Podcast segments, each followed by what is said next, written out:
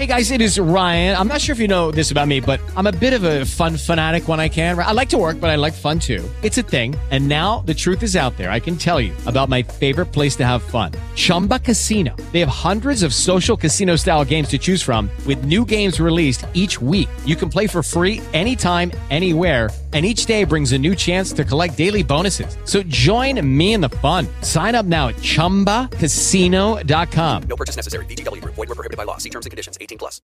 Cześć, witajcie. Witajcie w kolejnym odcinku podcastu Gerży Słona. Moim gościem jest dzisiaj wspaniała kobieta, Karolina, e, która zaraz opowie wam swoją historię. Ta historia jest bardzo hardkorowa. Myślę, że jedna z takich bardziej niezwykle trudnych, jakie słyszałam. E, Karolina wyszła z tego, tak jak powiedziała, nie dwa razy silniejsza, ale aż dziesięć razy silniejsza. Tak, myślę, że zdecydowanie. E, I opowie po prostu nam o tym, jak wychodzić z toksycznej relacji, jak to wygląda i jak e, podjąć tą decyzję, jak za, zapoczątkować zmianę, żeby wyjść z trudnej sytuacji. Z Karolina, witamy Cię. Steeped Podcast.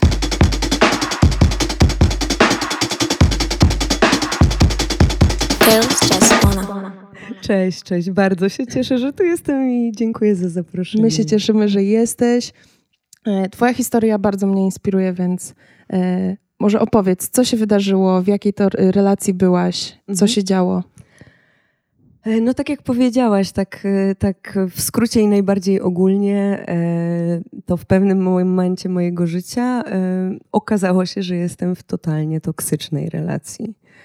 E, Relacji, którą teraz po czasie e, i po już kilku latach terapii, e, no jestem w stanie nazwać relacją taką współuzależnieniową, kiedy ja byłam współuzależniona od drugiej osoby. A możesz wytłumaczyć, co to znaczy być współuzależnionym od drugiej osoby? No to jest ha, pewnie dla każdego coś innego, ale myślę, że e, najważniejsze jest to, że te mechanizmy nie bez powodu nazywa się to współuzależnienie, bo mechanizmy są podobne jak w uzależnieniu od jakiegoś środka, tak jak mamy osobę uzależnioną na przykład od alkoholu. Tylko po prostu tutaj e, tym, e, tym obiektem, od którego ja byłam uzależniona, był drugi człowiek po prostu, więc jakby on stał się dla mnie najważniejszy, w sensie ważniejszy ode mnie samej i tak jakby to sobie określam, ja już trochę jakbym przestałam żyć, przestałam istnieć, w sensie tak zanikłam w ogóle. E, To się działo oczywiście bardzo nieświadomie na przestrzeni czasu, tylko teraz z perspektywy jestem w stanie to w ten sposób ponazywać. Mówiłaś, że byliście razem prawie dwa lata, tak? Cała ta historia, czy półtora roku, tak? No tak. E, Czy możesz lata. opowiedzieć, jakby, co się działo, może jakieś konkretne przykłady, Mhm. jak wyglądała ta relacja i co się działo? Dlaczego jakby teraz po czasie widzisz, że ona była Mhm. toksyczna? Tak, powiem, tylko chyba chcę nadać jeszcze taki jakiś background, żeby e, te osoby, które mnie nie znają, po prostu jakby wiedziały e, skąd, co i jak. Więc dosłownie jednym zdaniem. E, Cała historia, tak naprawdę, takie super początki, e, zaczęła się jak miałam 29 lat. Byłam po pięciu latach małżeństwa. I e, wtedy mm, nasz syn miał dwa lata, był takim wyczekiwanym dzieckiem. I byłam e, wierząca, w zasadzie oboje byliśmy wierzący i jakby znałam życie z Bogiem, już, już od wielu lat z nim szłam. Więc jakby to jest taki background. e, Natomiast w ogóle o, jakby o, e, o tej historii opowiadać e, nie będę. Znaczy, jedyna rzecz, którą na ten moment e, potrzebuję powiedzieć w kontekście tej toksycznej relacji, o której będę opowiadać, e, no to jest to, że, że po prostu my się rozstaliśmy. To znaczy, ja, ja odeszłam od mojego męża. No i właśnie zdecydowałam się wejść w nową relację. No i tutaj zaczyna się ta cała, cała moja, moja historia trudna. E, Pytałaś o to właśnie, co to znaczy, jakie, jakie były przykłady. Tak sobie myślę, że dużo będę mówić, że z perspektywy czasu, bo e, ważne jest to, że ja wtedy, jak to się działo, ja nie widziałam. W sensie to był taki. E, Ja z moim późniejszym partnerem najpierw, e, no po prostu weszliśmy w taką koleżeńską relację, później przyjacielską. Czyli można powiedzieć, że tak naprawdę początek był taki, że to wyglądało jak taki normalny, zdrowy związek, tak? No Znaczy tak, było, były to różne... znaczy, no powiedzmy, no już tam nie mówiąc o, e, o całej tam historii wokół, ale po prostu relacja, normalna relacja, tak? Jak poznajemy To kogoś. nie było tak, że od początku wiedziałaś, w co się pakujesz. No nie, absolutnie, absolutnie nie, więc e, jakby i sama jestem zaskoczona teraz, widząc jak wcześnie ja już byłam taka zaślepiona, bo to jest chyba takie najlepsze słowo. Ja po prostu, bo raz, że ja się zakochałam, ale dwa, że e, po prostu miały miejsce e, wielokrotnie, tylko wtedy nie widziałam albo może nie chciałam widzieć. E, takie, takie sytuacje właśnie, gdzie się odbywa różnego rodzaju manipulacja, czy e, takie początki jakiejś przemocy takiej psychicznej, bo jakby to jest to, czego najbardziej ja e, doświadczałam. Manipulacja, przemoc, e, przemoc psychiczna. Więc jakby, jak ostatnio z moją przyjaciółką o, o tym rozmawiałam, to właśnie byłam w szoku, jak ona powiedziała, jak wcześnie ona patrzyła na mnie i po prostu mówi, ja byłaś dla mnie jak taka wydmuszka osoby, którą znałam, a ona znała mnie super dobrze. E, No to mnie tak bardzo, bardzo ruszyło, ale to dobrze obrazuje po prostu to, jakie, jakie to było miejsce. E, Tak. Mm. Właśnie powiedziałaś e, ciekawe sformułowanie, że czułaś, że nie żyjesz, że jest jakby przeciwieństwo Mhm. życia, że zeszło z ciebie to wszystko, że... Tak, y, bo to był taki. Właśnie to jest dosyć ważne, bo gdybym ja, y, ja już decydując się tak konkretnie na wejście w relację y, z tą osobą, że razem zamieszkamy, że spróbujemy po prostu budować razem życie, bo po prostu no ja podjęłam decyzję w tamtym momencie poświęcenia wszystkiego, mojego małżeństwa, które było dla mnie ważne tym bardziej z perspektywy osoby e, wierzącej, życia mojego syna e, i w ogóle wiary, bo ja wiedziałam, że e, jestem katoliczką i wiedziałam, że po prostu wchodząc w taką relację, ja nie będę mogła e, przyjmować Komunii Świętej, e, więc jakby ja jakby podjęłam e, taką, taką decyzję, która burzyła całkowicie w ogóle fundamenty mojego, mojego życia, mojego istnienia, a później jeszcze coraz, po prostu coraz bardziej się, e, się w to zagłębiałam i gdybym ja w tamtym momencie, że zastanawiam się nad tym, dostała taki pakiet informacji, po prostu taką listę. Będzie to wyglądać tak. I generalnie e, na przykład zasady, na których to będzie funkcjonować, będą takie, i tu lista, tak myślę, że ze stu różnego rodzaju, wpływających na po prostu każdą minutę e, każdego dnia. E, no to, no to nie podpisałabym po prostu tego tak łatwo, tak? W sensie nie, nie weszłabym w to, a to był taki po prostu powolny proces. Ja to sobie tak na, też nazywałam takim wsiąkaniem, że takiej po prostu e, taka rzecz po rzeczy, e, rzeczy, na które ja się godziłam, bo tak jakby mi się wydawało, że jest okej. W ogóle w, w, najbardziej to mi się wydawało, że ja podejmuję te decyzje sama. Teraz widzę, że jakby ja podejmowałam te decyzje i generalnie, no tak z zewnątrz można by powiedzieć, no faktycznie, tak, no jakby ja tu się zgodziłam na to, na to i na tamto, ale teraz widzę, jak bardzo po prostu... Ja nie byłam w ogóle, w sensie ja tak odchodziłam od siebie, dlatego to nie życie, że jakby, bo będąc w takiej toksycznej relacji, em, znikasz po prostu. Mm. Ta osoba staje się naj, najważniejsza. Ty i twoje potrzeby to w ogóle zapomnij. W sensie mm, nie ma. Mm. Tak. A powiedz, potem jakby ta, ta relacja trwała jakiś czas i, y, i opowiadałaś mi kiedyś tą historię, więc wiem, że po prostu było coraz gorzej i gorzej. Mhm.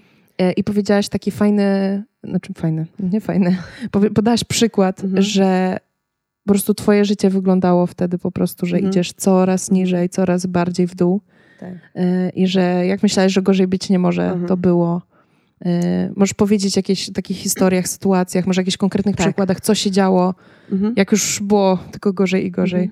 Tak, e, to znaczy to, co jakby tak ogólnie, żeby opowiedzieć właśnie jakieś, jakieś przykłady, to tak patrząc na siebie, co ja głównie wtedy czułam, e, to było nieustanne poczucie winy. E, Dlatego, że po prostu jak coś szło nie tak, to, to ja zawsze byłam winna. E, I e, ja przepraszałam za tyle różnych rzeczy. Teraz, jak sobie o tym myślę, to czuję taką mega złość, że w ogóle jak ja mogłam przepraszać za coś takiego, w sensie to w ogóle. E, I, taka, i to, to się łączy z taką niesprawiedliwością, w której byłam. To znaczy, mm, mój partner, e, mojego partnera w ogóle nie obowiązywały zasady, które mnie obowiązywały. W sensie mogliśmy zrobić dokładnie te same rzeczy e, i po prostu no, do mnie były pretensje, ja musiałam przepraszać, a jak ja jak delikatnie w ogóle coś tam powiedziałam, zwróciłam uwagę, no to po prostu no, była wielka pretensja, że znowu no, ja się czepiam, czy, czy cokolwiek. Taka po prostu taka niesprawiedliwość. E, I, no i właśnie tak, zdecydowanie tak było w tej historii, bo e, ktoś by mógł powiedzieć, że to były aż dwa lata.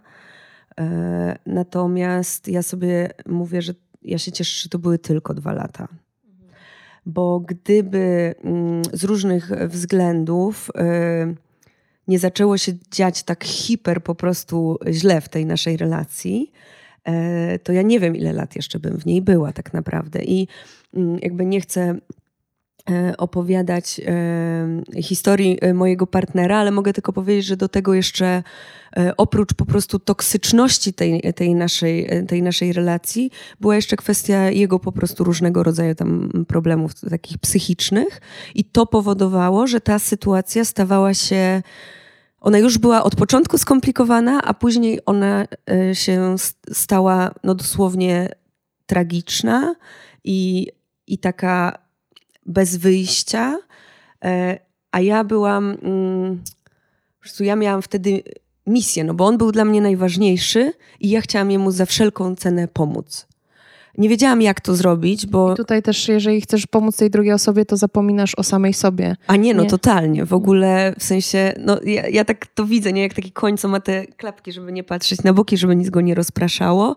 No to ja byłam po prostu, ja byłam zafiksowana na, e, na tej e, chęci pomocy Mm, i jakby, żeby zobrazować do jakiego stopnia, e, no to tak jak powiedziałam, ja byłam i jestem mamą, a w tamtym czasie mm, na 5-6 miesięcy y, ja jakby zostawiłam mojego syna. W sensie, y, no to jest, teraz jestem w stanie o tym mówić już spokojnie, bo mam po prostu te rzeczy przez lata, które były później przepracowane. Natomiast no to pokazuje, jak to była, e, jak to musiała być dramatyczna sytuacja, kiedy matka decyduje się po prostu e, ograniczyć kontakt ze swoim dzieckiem do absolutnego po prostu e, minimum. Szymek był wtedy po prostu, mieszkał ze swoim tatą i on się nim opiekował. Na szczęście. e, No natomiast no to jest... e, mm, no moim zdaniem to najlepiej pokazuje po prostu jak e, dramatyzm tej całej, tej całej sytuacji. Ja byłam zafiksowana na chęci pomocy. Ja wtedy to już totalnie nie żyłam. W sensie ja jeździłam do pracy. To była taka rzecz, którą robiłam. Ja nie, ja nie miałam już wtedy praktycznie żadnych relacji, bo tak stopniowo je odcinałam. Taką charakterystyczną też rzeczą, która od początku była, a później tylko nabierała na sile, to była takie też poczucie lojalności. I teraz wiem, że to była taka totalnie chora e, lojalność e, wobec mojego partnera, e, no, która przede wszystkim objawiała się tym, że ja nie mówiłam na zewnątrz nic o tym, co dzieje się e, w tym miejscu, które miało być domem, a stało się tak naprawdę takim piekłem, e, piekłem na, na ziemi. I mm, i tutaj takie y, dobre słowo, które opisuje to, jak wyglądało to moje życie, nie życie wtedy, to jest nieustanne oczekiwanie. To znaczy, ja byłam w takiej cały czas gotowości e, do pomocy na warunkach tej drugiej osoby. E, mało się działo fizycznie, ale ja byłam cały czas. I to bycie już było tak wyczerpujące, takie oczekiwanie. I tak naprawdę I oczekiwanie. oczekiwanie na coś, co się tak naprawdę nigdy nie, może nie wydarzyć. E, Tak, i dokładnie u mnie w tej historii jest tak, że, że, że to, na co oczekiwałam, się nigdy nie wydarzyło. No teraz już na szczęście nie ma dla mnie po prostu znaczenia to, na co wtedy czekałam. Mm, e, tak, więc e, no to było takie naprawdę dramatyczne w ogóle już takie to, to, to pół roku. E, No i teraz widzę, że to było takie po prostu schodzenie e, w dół, taka równia pochyła, gdzie było coraz gorzej, coraz gorzej. Mi się wydawało, że gorzej być już nie może, ale mogło być. I to była naprawdę dla mnie taka sytuacja, kiedy ja po ludzku sobie myślałam, nie ma opcji, żeby z tego wyjść. W sensie nie ma opcji, żeby się z tego po prostu wyplątać. Nie, nie wiem, w sensie nie wiem kompletnie, co mam zrobić. No i zaczęłam e, doświadczać e, sama, to znaczy byłam, ja byłam totalnie zmęczona. No i zaczęły się pojawiać we mnie takie myśli, e, które były takim pierwszym po prostu sygnałem dla mnie, takim, że kurna, chyba jest naprawdę źle i chyba ja potrzebuję coś z tym zrobić, bo nie wiem, do czego to doprowadzi. I to był tak naprawdę taki pierwszy moment, kiedy ja tak się jakby zatrzymałam i zastanowiłam nad sobą, w sensie tak hello, w ogóle Karolina, ty tu jesteś e, i w ogóle zobacz, zobacz, zobacz e, co, co się dzieje, bo ja zapomniałam o sobie na te lata tak naprawdę. I E, I tutaj e, e, te myśli, o których mówię, to właśnie związane z tą potrzebą taką odpoczynku i zmęczeniem, tą taką po prostu niekończącą się beznadziejną sytuacją, no to mm, ja wtedy dużo jeździłam na rowerze. Mm, Bardzo dużo. To była trochę taka moja ucieczka i taka, taka moja przestrzeń, bo normalnie praktycznie w żadnym aspekcie nie miałam czegoś swojego. E, I e, no nie wiem, ten, kto jeździ po Warszawie na rowerze, ten wie, że to jest bardzo niebezpieczny sport. E, Więc tam przejeżdżanie przez ścieżki rowerowe, pasy i tak dalej. I po prostu wielokrotnie zaczęłam mieć w ogóle takie pomysły, że tak kurde, a gdyby tak, no nie wiem, tak, no nie jakiś wielki wypadek, ale gdyby tak potrącił mnie samochód, ale tak na tyle, żeby to było poważne, żebym ja trafiła do szpitala, chociaż na kilka dni, na tydzień, i wtedy mogłabym wreszcie odpocząć. Nie? I jakby. I wtedy sobie jeszcze myślałam, e, że no okej, w sensie no jestem zmęczona i po prostu gdzie, no różne rzeczy można sobie myśleć. Jakby tak na początku to trochę bagatelizowałam, no ale później jeszcze były takie, e, e, takie dwie rzeczy, które już tak ostatecznie jakby mi pokazały uważaj, naprawdę uważaj, bo nie wiesz, co może być za rogiem. E, No to jakby my no, wiele czasu spędzaliśmy na rozmowach, te rozmowy były bardzo męczące i ja już byłam w takim miejscu, że bałam się mówić jakieś rzeczy, bo wiedziałam, że to rozpęta następną burzę, następne godziny rozmów, e, następne po prostu obwiniania, e, po prostu następne moje przepraszanie, mimo że wewnątrz ja tam czułam, że kurde, chyba coś tu jest nie tak, ja chyba nie powinnam przepraszać za te rzeczy, ale jednak to robiłam. E, I ja byłam już tak tym zmęczona, że żeby nie spowodować jakiejś po prostu następnej afery i czegoś nie powiedzieć, tak jak się mówi, że zaci zacisnę zęby i to przetrwam, no to jakby to już było na porządku dziennym, ale ja zaczęłam sobie po prostu, nie wiem, tak się łapać mocno za rękę i dosłownie wbijać sobie paznokcie, żeby nic nie powiedzieć, a później po prostu się orientowałam nagle, że ja mam rany na rękach, że mam po prostu stróbki, bo to są na tyle mocne e, po prostu moje, moje reakcje. No i taka już taka ostateczna ostateczność dla mnie. Jakby ja siedziałam mm, zazwyczaj przy tych rozmowach przy takim stole i miałam taki e, narożnik ściany przed sobą. I ja dosłownie tak po prostu jednym uchem tam po prostu słuchałam tego, co było do mnie mówione. E, a, I patrz, pamiętam po prostu, jakby to było wczoraj, że patrzę na ten narożnik ściany i sobie myślę, kurde, serio najbardziej teraz chciałabym po prostu tak uderzyć głową o ten narożnik, tylko żeby to wszystko się skończyło. I jakby te rzeczy, o których teraz powiedziałam, spowodowały, że, że naprawdę już wreszcie ta czerwona lampa, po prostu neon, który się zapalił, ja go zauważyłam. E, No i stwierdziłam, że mm, no, ch- chyba jednak tutaj ja potrzebuję zrobić coś wreszcie inaczej. Bo tak naprawdę nie dziwne, że nie wydarzała się w moim życiu żadna zmiana i sytuacja się nie zmieniała, bo raz mój partner nic nie zmieniał jakby w swoim zachowaniu, ale tak samo ja nic nie zmieniałam w swoim zachowaniu. E, No, a jak to się mówi, y, no trudno jest robić cały czas to samo i oczekiwać innych efektów. Więc jakby gdzieś dotarłam do miejsca takiego po prostu mojego największego dna, od którego wreszcie mogłam się y, odbić. No i to właśnie było to. I właśnie opowiedz, co się wydarzyło, co, co było tym punktem, gdzie zdecydowałaś, powiedziałaś stop, koniec. Koniec tego, to był, bo właśnie wiem, że był taki jeden moment i on jest też bardzo wyjątkowy dla ciebie. Tak, tak, tak. Tak jest. E, tak, to były e, moje urodziny. Mm, Od tego czasu bardzo, bardzo hucznie świętuję urodziny. Są dla mnie bardzo ważne właśnie też przez to. To był też wyjątkowy dzień, bo wtedy był w ogóle całkowite zaćmienie słońca w Stanach Zjednoczonych, więc ja e, wiedziałam o tym, że tak będzie już sporo wcześniej i czekałam bardzo na te urodziny. No a nagle się okazało, że jestem w tak totalnie beznadziejnej sytuacji. Od, nie wiem, pół roku nie widziałam się z moją najlepszą przyjaciółką. E, Po prostu ucięłam wszystkie relacje. Jestem sama, jestem po prostu zwierzęciem społecznym i ja żyję wśród ludzi, ja wtedy odżywam. A tutaj byłam po prostu totalnie zapadnięta i w ogóle w tym nieżyciu. E, No i e, spędzałam popołudnie, tak jak większość mojego czasu wtedy, czyli leżąc na kanapie i czekając. Oglądałam sobie na telefonie relacje z tego całkowitego zaćmienia słońca i po prostu miałam taką myśl, okej, są moje urodziny, więc no to już jest naprawdę taka sytuacja, że ja będę mogła wyjść z domu, jakby no nie muszę tutaj jakieś wielkie pozwolenia prosić.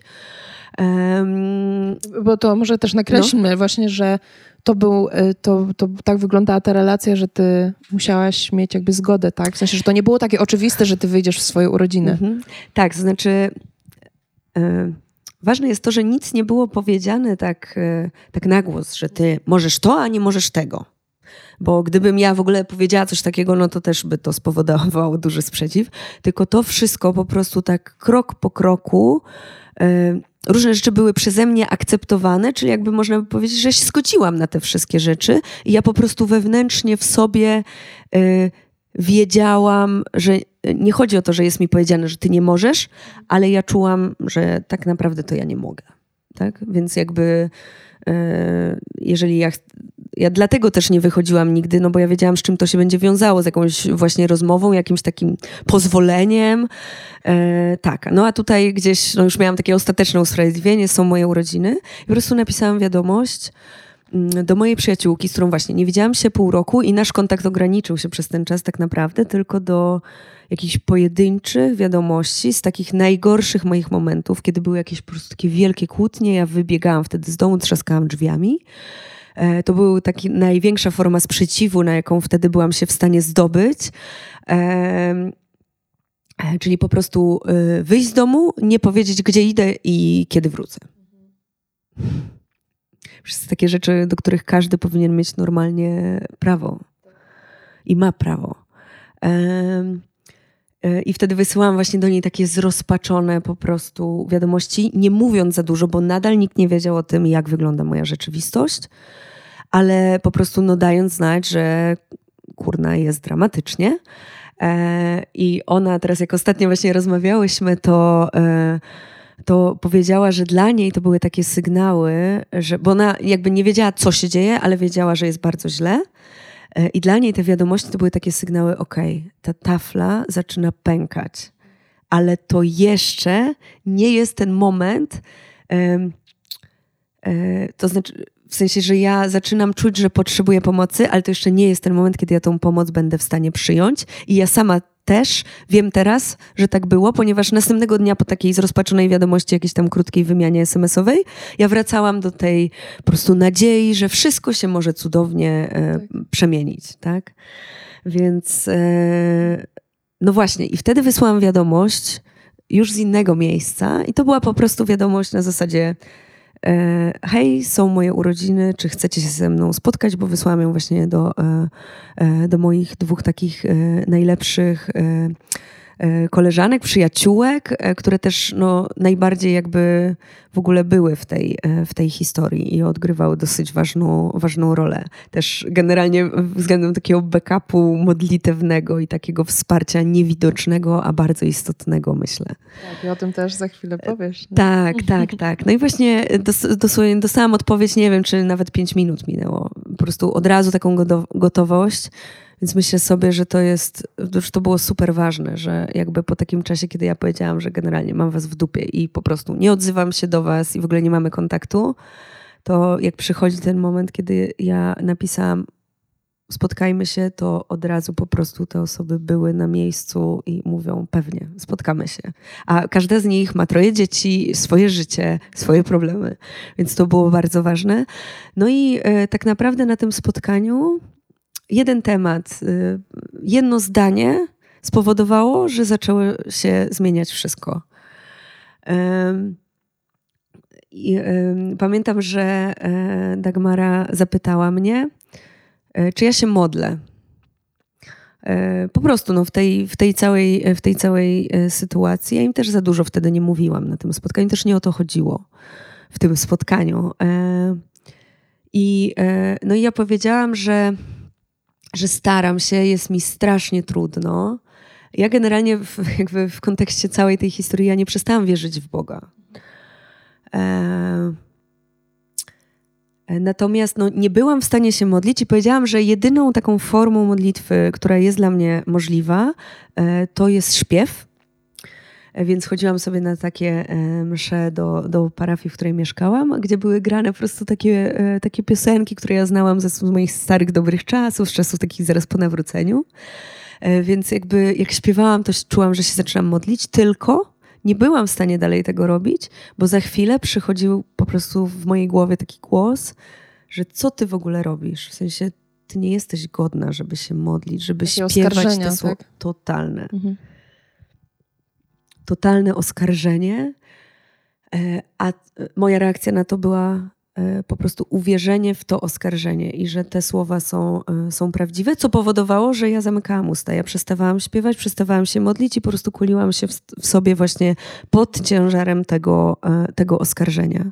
I po prostu no, pamiętam, jakby to było wczoraj, jak Dagmara patrząc mi w oczy, mm, powiedziała wtedy, ale wiesz, że e, Bóg w ten sposób nie myśli i to nie są Jego słowa do ciebie.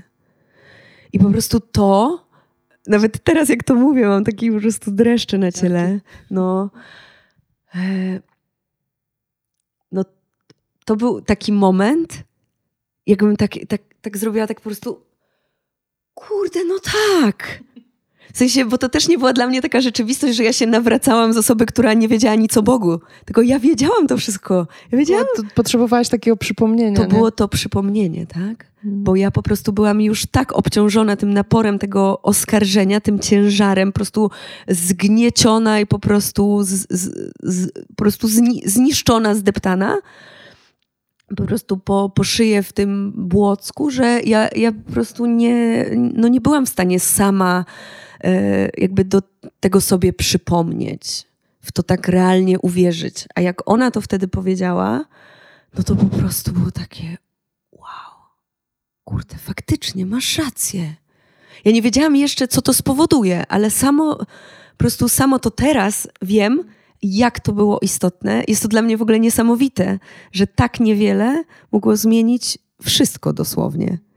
Jakby ona mi teraz mówi, że ona wtedy się tylko tak modliła, po prostu Duchu Święty podpowiedz mi, co ja mam mówić, bo jestem taka mała przy całej tej sytuacji. Ja nie wiem, co ja mam robić i co mówić, ty mi podpowiedz, nie? No i Duch Święty podpowiedział naprawdę potężnie. No, Bo pół. tak jak mówisz, to jedno zdanie, czyli tylko tyle, a z drugiej Mhm. strony aż tyle, zmieniło wszystko. I Tak. po tym zdaniu można powiedzieć, że było, było lepiej, na pewno było lepiej. No, Ale o tym jeszcze tutaj Tak, dojdziemy, tak. jeszcze do tego momentu, czy Tak. na pewno było lepiej, bo, bo tutaj jeszcze dru- druga część historii zaraz dojdzie. tak, tak. No właśnie, czyli tak jak mówiłyśmy wcześniej, narysowałaś taki obraz, że schodziłaś tylko coraz niżej w dół i że jakby już byłaś głębiej i głębiej, ale fajnie to powiedziałaś, e, że na samym dnie, że jakby na samym dole Mhm. jest dno, od którego się odbijasz. tak, I ono może być głębiej lub No zależy na właśnie- jakim etapie, tak jakby, tak? tak. Ale że jest to dno i ty się od niego odbijasz. I to był,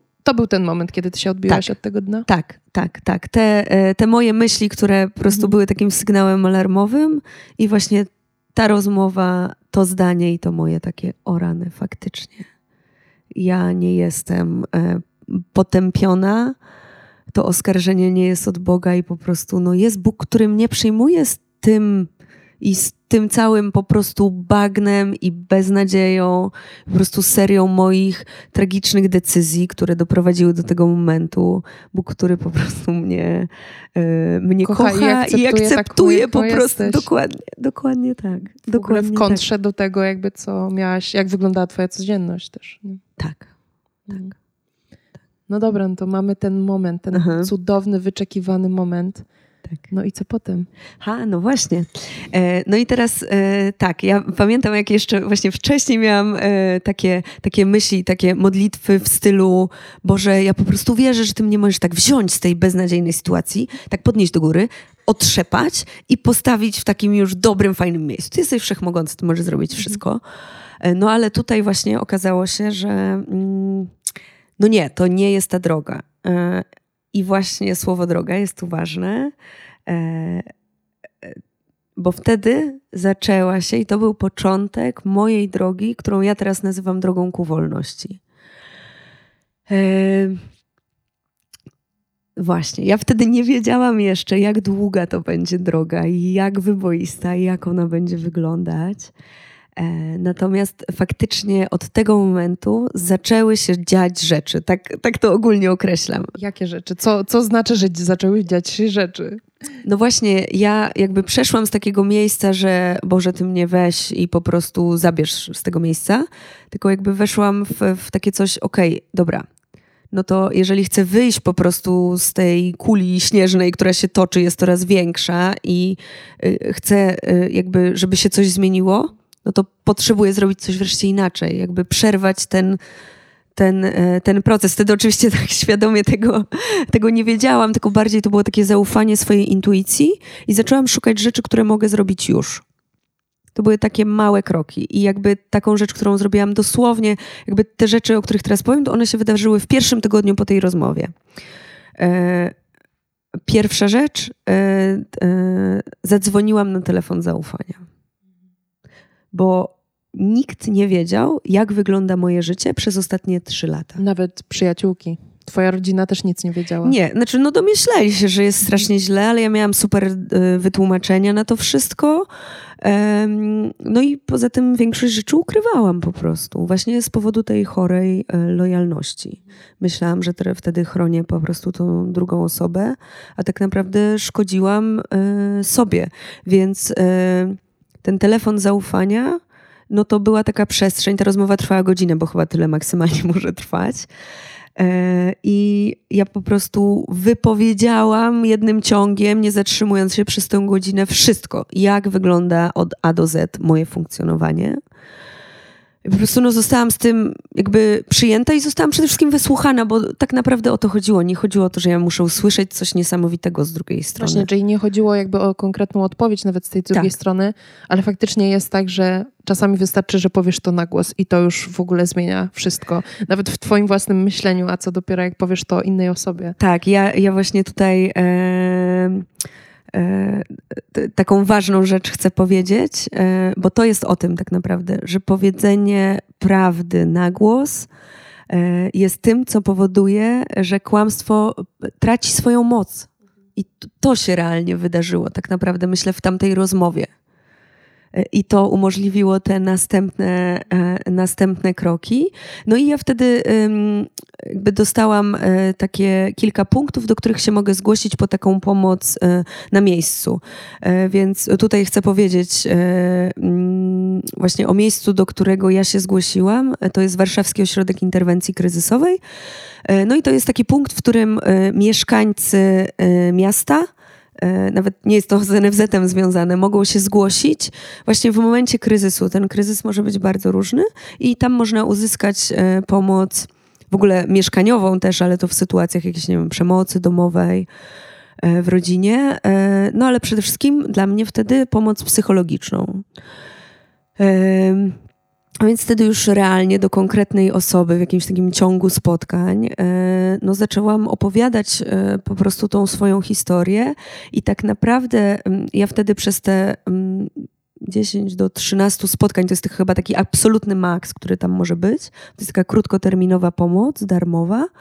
Mm, Jakby z, y, miałam e, realne wsparcie w przejściu przez taki proces, który się rozpoczął, takiego mojego odklejania się od tej drugiej osoby. No właśnie, bo to nie jest oderwanie od tej sytuacji, od tej Mhm. osoby, tej relacji, tylko to jest właśnie takie odklejanie się powoli, nie? że Tak, to no. po prostu idzie kawałek po kawałku i to się nadal ciągnie, ale już się rozdziela i ten, ten proces jest po prostu dłuższy niż takie zwykłe oberwanie Tak, plasterka. znaczy ja bardzo, bardzo, bardzo bym chciała, żeby to było możliwe, żebym po prostu Mm. została tak zerwana e, i żeby to się w ten sposób e, udało zrobić. Natomiast e, ja teraz widzę, jak bardzo ja w ogóle nie byłam na to gotowa i serio, mimo że ten proces był cholernie ciężki, to ja jestem wdzięczna za całą tą drogę, mimo jej ogromnych trudów.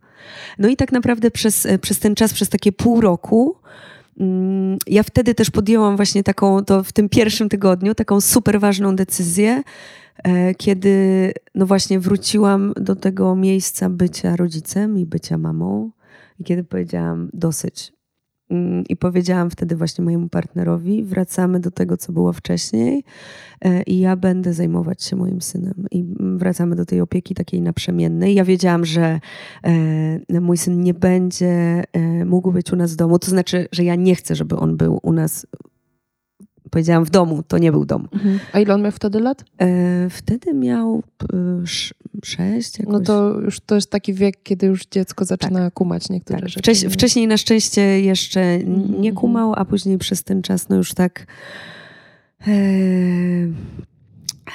tak, no ja wiedziałam, że to będzie po prostu dla niego, dla niego złe i nie chcę, żeby on w ogóle doświadczał takiego miejsca, takich emocji, które tam były, bo ta atmosfera była taka gruba, można ją było ciąć nożem.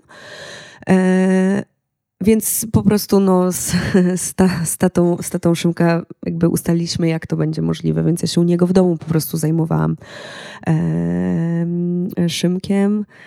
No był to trudny czas, ale była to taka duża zmiana na, na tamten moment. No właśnie, bo to były małe rzeczy, które się zaczęły dziać. To nie było tak, że ty właśnie wyprowadziłaś się i nagle po prostu Od się razu, odcięłaś tak. w stu procentach, Tak. tylko ty nadal byłaś w tym miejscu, ty wracałaś tam na noc, mimo Tak. że w ciągu dnia zajmowałaś się swoim Tak. synem. W nocy wracałaś do domu, który nie był domem. Tak. Do tego niebezpiecznego tak naprawdę miejsca. Tak, do, do totalnie niebezpiecznego miejsca e, i takiego, e, no ja to określałam ostatnio, takiego piekła na ziemi, nie? Miejsce, które miało być domem, stało się takim piekłem na ziemi. E, I, i tak, no właśnie to było bardzo ważne, takie, ta, ta droga złożona z takich małych kroków. I jakby dla kogoś z zewnątrz to mogły być małe kroki, natomiast dla mnie to były były ogromne. tak ogromne Mhm. kroki wymagające takiego, takiego wysiłku. No i też I jest pracy. tak.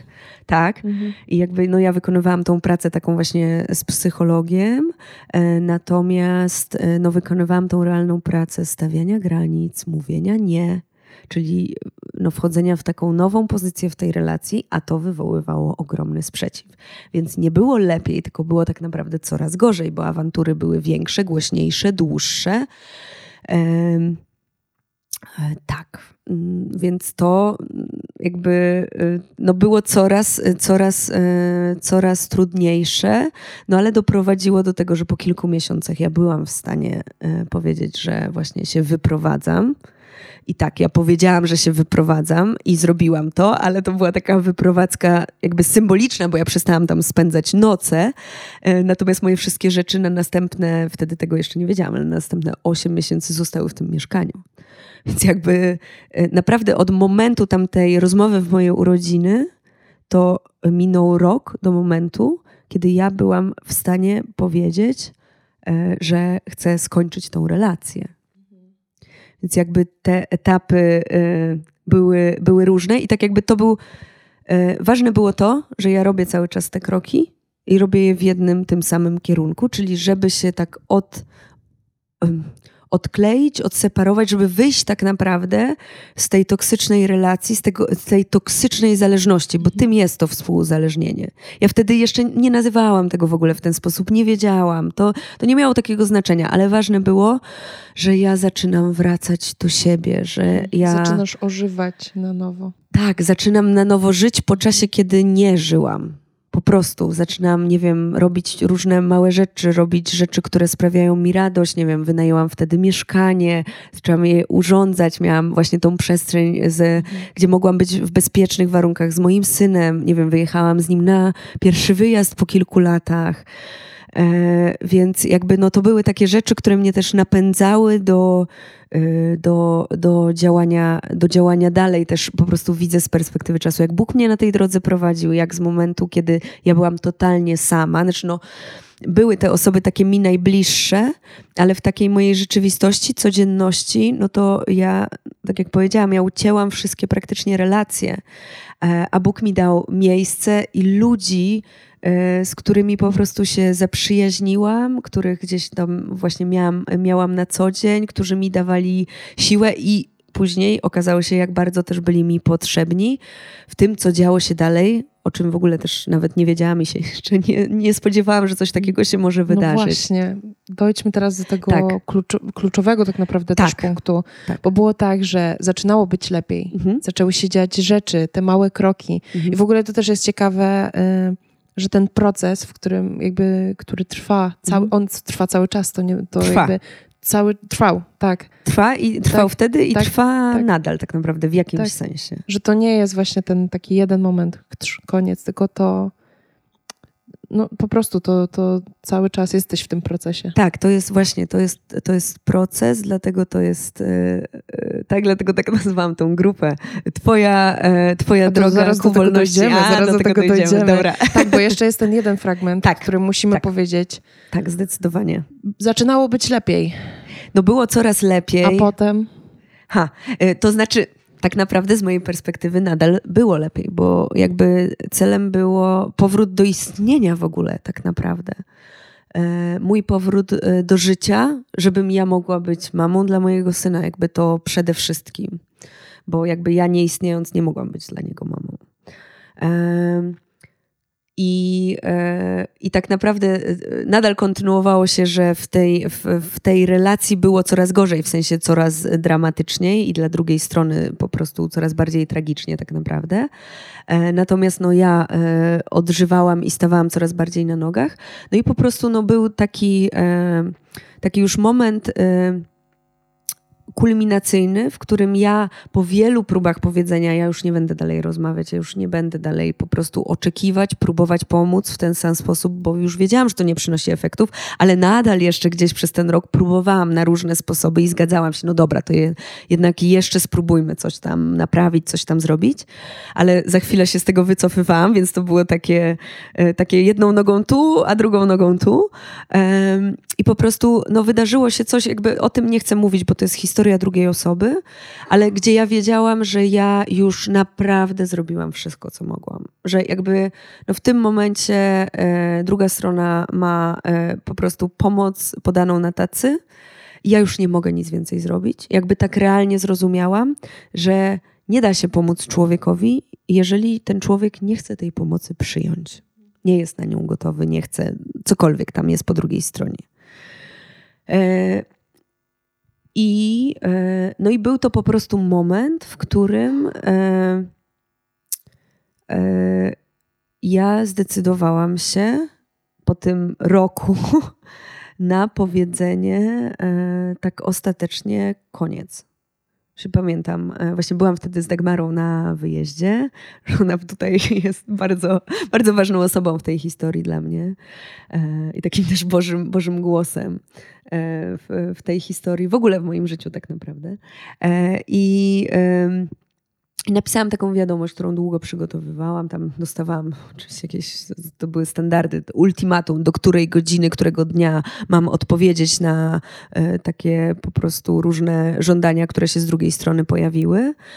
E, I ja wiedziałam już, że, że no nie, ja nie będę na te żądania o, odpowiadać. E, podjęłam tam konkretne decyzje, odcinając też, nie wiem, jakieś finanse, bo tam po prostu no to na wielu aspektach byliśmy ze sobą połączeni.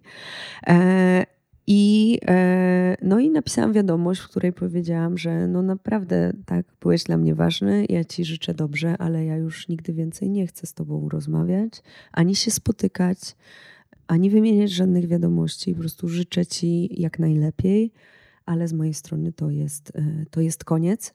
I I co wtedy się wydarzyło? Bo tak. myślę, że to jest ten moment no takiego, no, no że naprawdę, że tak to powiem, runęło No na tak. nowo, a nawet nie, nie chcę powiedzieć, że bardziej hardkorowo, ale jakby tak jak mi kiedyś opowiadałaś, to zaraz też No. opowiesz jakby konkretne przykłady, co się działo, to dla mnie to są sytuacje, które ja widzę w filmach i ja ten film potem muszę obejrzeć coś innego, żeby jakby zapomnieć o tych rzeczach, że to w ogóle widziałam, a u ciebie się to wydarzyło w prawdziwym życiu.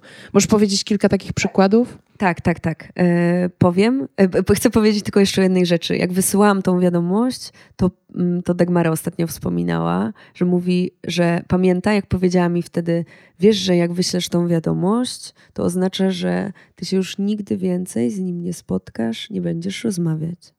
I, I ona pamięta, że w moich oczach było takie przerażenie i niedowierzanie, że tak może być. Ale to, co mogę powiedzieć teraz, faktycznie od wysłania tej wiadomości lat temu zaraz będzie cztery. Tak jest. Nigdy więcej ja ze swojej inicjatywy z tą osobą nie rozmawiałam. Natomiast no to, co się wydarzyło dalej, lekko mnie zaskoczyło. Znaczy, ja wiedziałam, że, e, że będzie sprzeciw z drugiej strony i jakieś, jakieś działanie, bo, bo to jest też dosyć typowe dla, e, dla, takich, dla takich relacji, że jakby im bardziej osoba się uniezależnia, tym bardziej ta druga strona po prostu ciśnie, żeby jednak e, no, ten człowiek nie odszedł. Mm, e, tak, no i tutaj e, no teraz, teraz już mogę powiedzieć, że e, wtedy zaczął się zupełnie inny etap. To znaczy, ja wiedziałam, że dla mnie ta relacja jest skończona, ja jej nigdy więcej nie chcę wznawiać, nie chcę w żadnej formie kontynuować, czy koleżeńskiej, czy jakiejkolwiek. Po prostu nie chcę mieć w życiu tej osoby.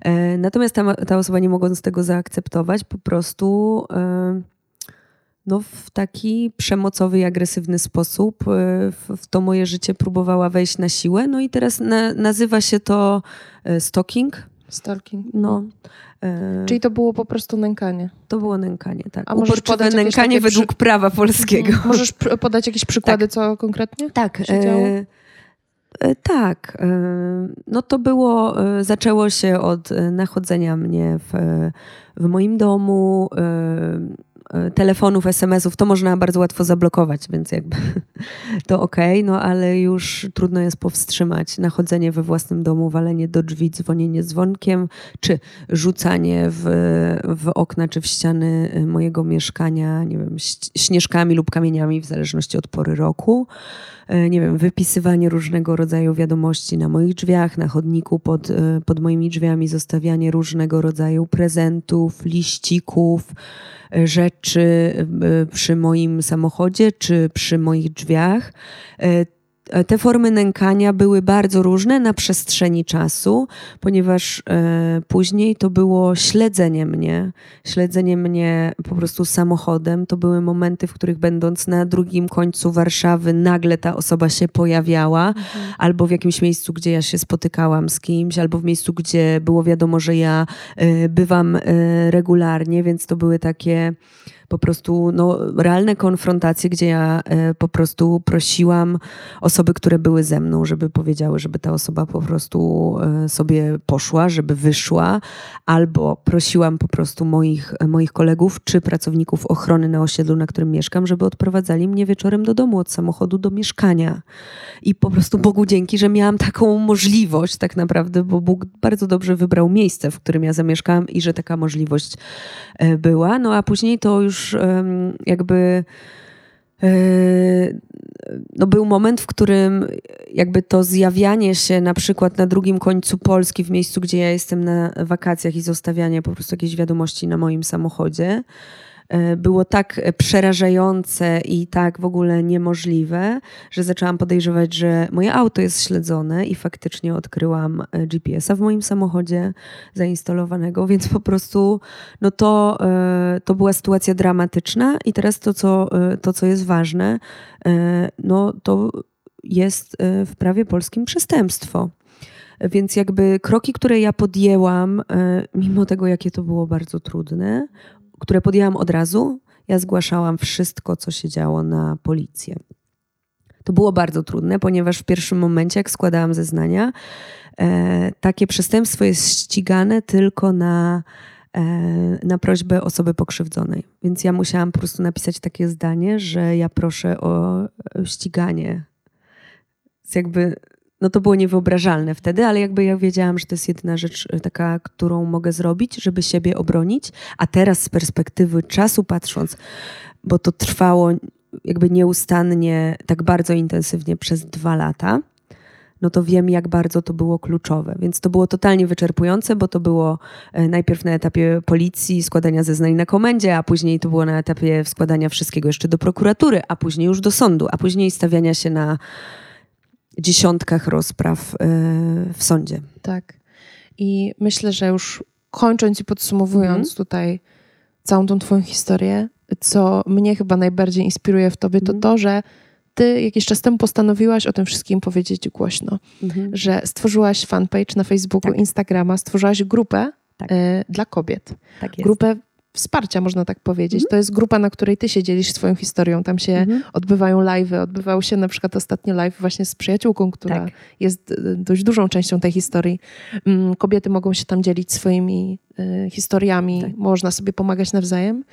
E, I wiecie, co to jest bardzo ciekawe, bo ja sama dołączyłam do tej grupy, po prostu z sentymentu, że chcecie wspierać, 100% wspieram, jakby chcę, chcę wiedzieć, co się dzieje.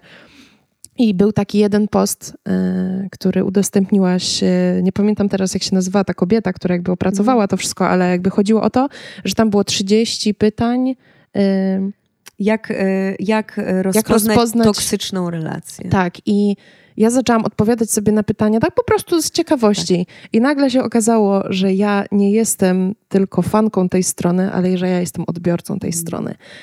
I wydaje mi się, że to był taki moment, kiedy mnie po prostu aż tak trzepnęło. Ja mówię, wow.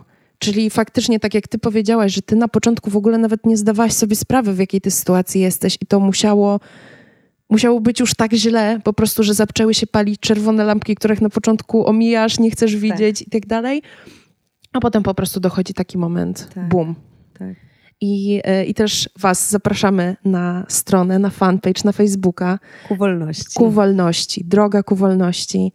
E, bardzo Ci dziękuję za tą rozmowę. Dziękuję, że podzieliłaś się tymi naprawdę trudnymi rzeczami. Mhm. Jesteś ogromną inspiracją dla mnie i, ma, i mam nadzieję, że też dla wszystkich oglądających i słuchających nas. Dzięki. E, dziękujemy Wam bardzo za odsłuchanie tego odcinka i widzimy się już niedługo w następnym. Steeped Podcast.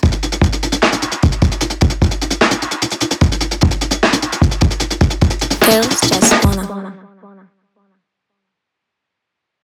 Lucky Land Casino asking people what's the weirdest place you've gotten lucky? Lucky? In line at the deli, I guess? Aha, in my dentist's office. More than once, actually. Do I have to say? Yes, you do. In the car before my kids' PTA meeting. Really? Yes. Excuse me, what's the weirdest place you've gotten lucky? I never win and tell. Well, there you have it. You can get lucky anywhere playing at LuckyLandSlots.com. Play for free right now. Are you feeling lucky? No purchase necessary. Void where prohibited by law. 18 plus. Terms and conditions apply. See website for details.